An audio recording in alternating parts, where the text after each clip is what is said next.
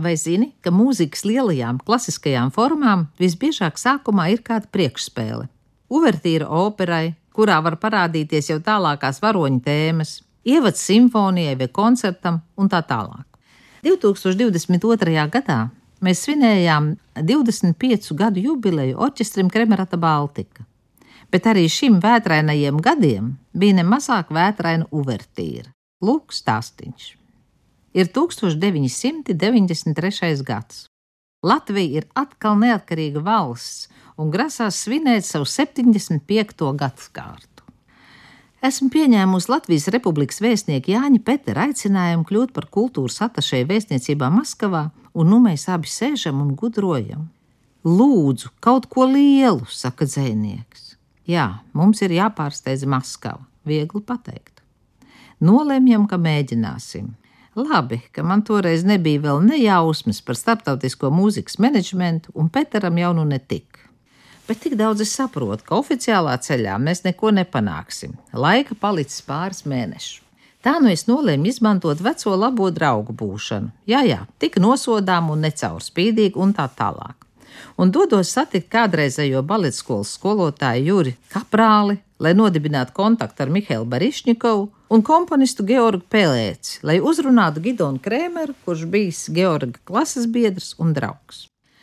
Gidons Krēmers Rīgā nebija koncertējis gadus 20 un noskaidrojis, ka pašlaik viņš ir koncertūrē Japānā. Nebija ne kārtīgi interneta, ne mobīlo sakaru, bet ak laime pie mums ārlietu ministrijas preses centrā bija jaudīgs faks.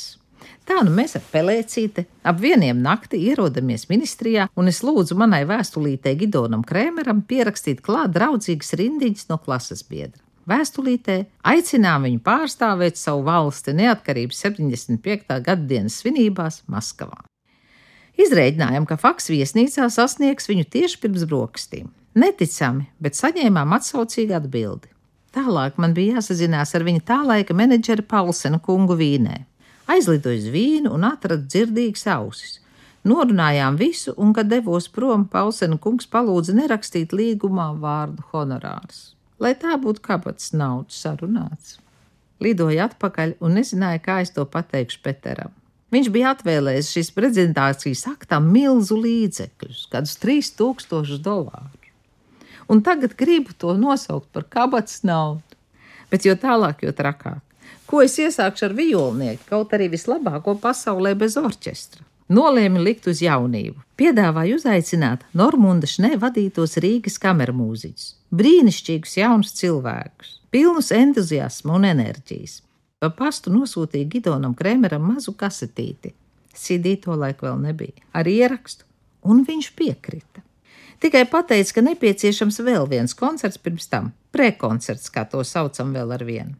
Tas izdevās iztaisīt Pēterburgā. Vistrakāk bija ar Maskavas konservatorijas lielo zāli, kas bija aizņemta gadu uz priekšu. Sapucējos un gāju pie zāles priekšnieka. Izstāstīšu savu bēdu, ka 18. novembris parasti ir 18. novembrī, un mums to zāli vajag. Laikam tas izklausījās tik komiski, ka viņš atrūlēja uz rakstām galda lielu vatmaņu papīra loksni, kas bija sagrafēta mēnesim vai ceturksnim, paņēma lielu dzēžgumiju un manā acu priekšā sparīgi izdzēsa no grafika kāda austriešu orķestra. Es gandrīz zaudēju valodu, jo respekts pret ārzemniekiem vēl ar vienu bija ļoti augsts. Tikai ne Maskavā. Koncerts notika. Jānis Peters runāja, Gidons Kremers ar Rīgas kamermuziķiem spēlēja, un beigās visiem par brīnumu viņš uz bizsaucieniem nostājās publikas priekšā un skaidrā latviešu valodā nosauca skaņdarbu, ko spēlēs solo Pēters Plakidis - sienāža dejas. Tajās sienāžu dejās bija tik daudz mīlestības, uz savu bērnību, uz savu valodu, par ko viņš raksta savā autobiogrāfijā Bērnības lauskas – ka kļuva skaidrs, būs turpinājums. Un tā pamazām sākās sagatavošanās darbi, un 1998. gadā pēc konkursiem un mēģinājumiem 9. februārī notika pirmais Kremerata Baltika koncerts. Likme uz jaunatni atmaksājas.